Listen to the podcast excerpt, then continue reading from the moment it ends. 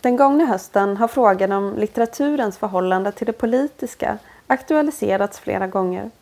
Först i och med Nobelprisutdelningen och den följande debatten. Sen genom Nordiska rådets litteraturpristagare Jonas Aikas tacktal där han inte bara skällde ut Danmarks statsminister utan också beskrev sin syn på hur litteraturen och den politiska kampen är sammanflätade.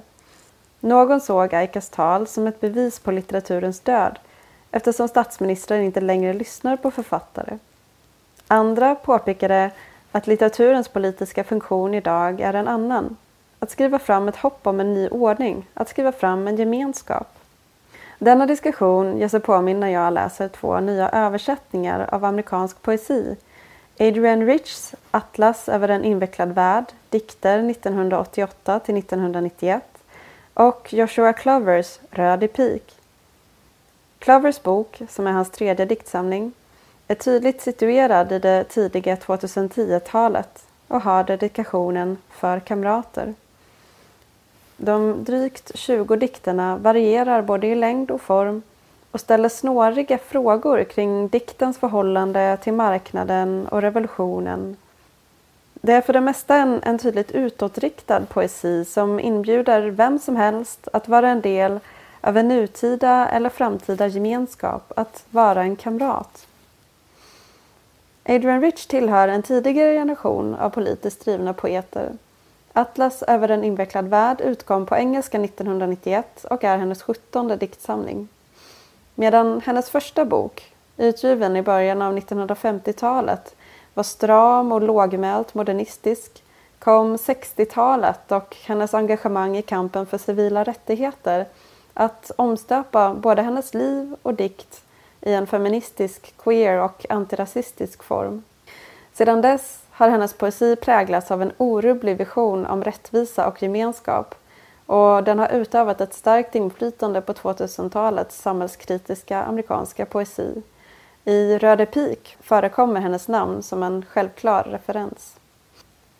Sedan tidigare finns endast några av hennes lesbisk-feministiska essäer på svenska och det är därför glädjande att Adrian Rich, som gick bort 2012, nu förs in i den svenska poesin. Varför man valt att ge ut just Atlas av en invecklad värld är en fråga jag ställer mig.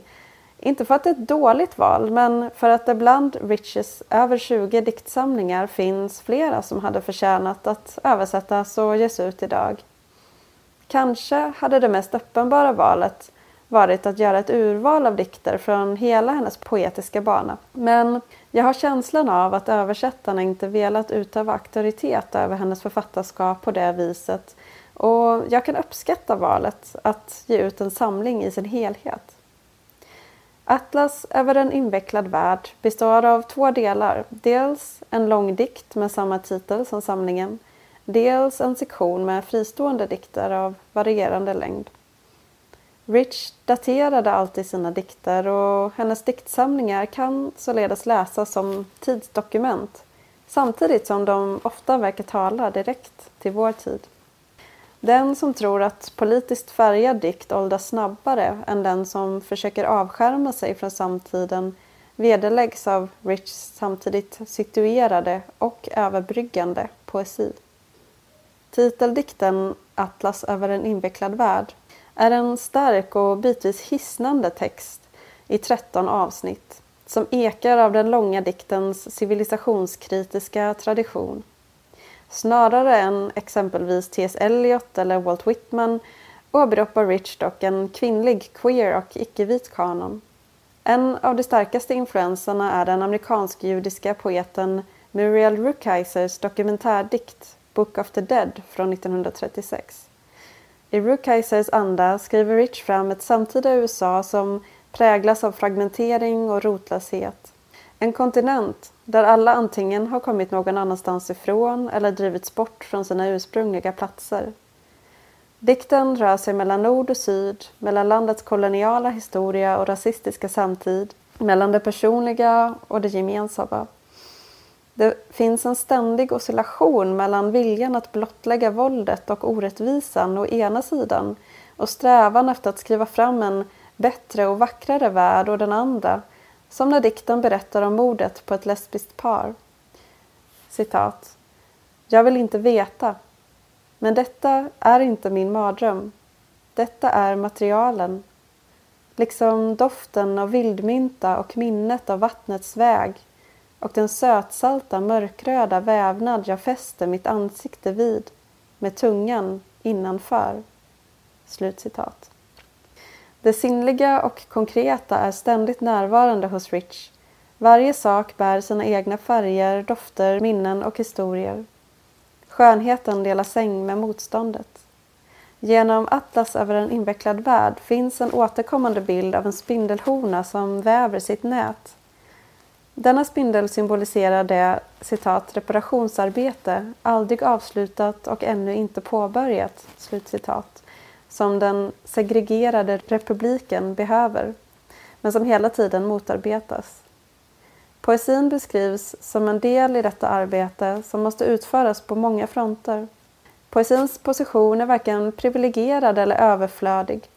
Jag kommer att tänka på den danska poeten Inger Christensens bruk av en liknande bild i diktcykeln Brev i april, där poetens arbete likställs inte med spindelns vävande men med daggen som lägger sig på nätet och får världens förbindelser att träda fram och glimra i ljuset. Många av dikterna präglas också av Richs judiska arv, som hennes far förnekade henne som barn på grund av viljan att assimilera sig i ett antisemitiskt samhälle. I Trasig Kaddish använder hon den judiska bönens form för att hedra de vänner som tagit sitt liv. Citat. Lovat var det livet fast det drogs åt som en knut kring hjärtat på några vi trodde, vi visste älskade oss. Slutcitat. Linjen mellan ömhet och sorg är tunn, men dikterna stagnerar aldrig i sorgen utan bär i sig längtan och en uppfordrande gest. Som i samlingens sista dikt, Slutanmärkningar, där en rytmisk upprepning lämnar läsaren med en framåtriktad energi, ett löfte om en förändring som börjar här och nu. Citat. Det blir inte enkelt, det dröjer inte. Det sker inom kort, det fyller dina tankar. Det fyller ditt hjärta, det fyller dina lungor. Det går fort, det blir inte enkelt. Slutcitat. Hos Joshua Clover är tonen en annan, klipsk och humoristisk. Och dikterna drar ibland åt det störigt cerebrala innan det tar en vändning tillbaka till det påtagliga. Men samma impuls att skriva om och för en gemenskap finns där. Clover är professor i engelska och komparativ litteratur och har skrivit en inflytelserik bok om upploppsteori som även den utkom på svenska i år med titeln Upplopp, strejk, upplopp. Men är också verksam som musikkritiker och journalist. Hans dikter rör sig agilt mellan popkultur och högkultur och fastän det märks att Clover står på nära fot med den västerländska kanons manliga modernister är det snarare deras impotens inför en värld som står i brand som betonas än deras snillen. I den tredelade sviten Eldspredikan återanvänder han Buddhas uppviglande tal som T.S. Eliot en gång approprierade i Det öde landet. Men hos Clover är det inte människans sinnen som står i lågor utan världen och elden välkomnas. Citat. Ibland står Oakland tillfredsställande nog i lågor Aten är nästan alltid satt i brand, så även Thessaloniki. Slutcitat. Och Big Data mumlar till diktjaget om hur bränderna kan förutspås utifrån profitkvoter, hushållsskulder och lönedeflationer. I denna svit nagelfars diktens förhållande till marknaden och till det som kan krossa marknaden. Citat. En revolution kommer att äga rum eller inte. Om det senare var dessa dikter enbart underhållning. Slutcitat. Heter det i prosadikten Transistor. Och i en annan vänder sig Clover till läsaren. Citat. Du vet allt för väl att den bästa poesin inte utgör den minsta revolution. Du vet också att poesin är det bästa möjliga sättet för dig att bejaka denna sanning. Slutcitat. Det får mig att tänka på de ofta citerade raderna ur Adrian Richs dikt Dreamwood från 1987. Citat. Poetry isn't revolution but a way of knowing why it must come. Slutcitat. Kanske rör det sig om en parafras. Poesin är inte i sig omstörtande, men ändå nödvändig, verkar dessa två poeter säga. Clovers dikt drivs av ett begär att minnas kulturens flyktiga uttryck, att föra den samman till en berättelse. Citat. Åh, längtan att skapa en berättelse om det hela. Att berätta historien om mitt sekel och hur det tog slut. Slutcitat. Denna närmast arkaiska längtan uppfylls naturligtvis inte. Dikterna lider ofta av tidstypiska uppmärksamhetssvårigheter i det att de rör sig metonymiskt från en sak till en annan i ett snabbt och flimrande flöde.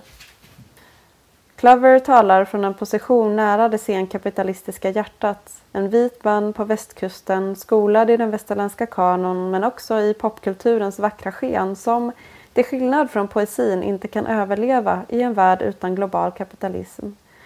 Röde pik är delvis en allergi över ett samhälle som håller på att förflyktigas i finansmarknadens spekulationer.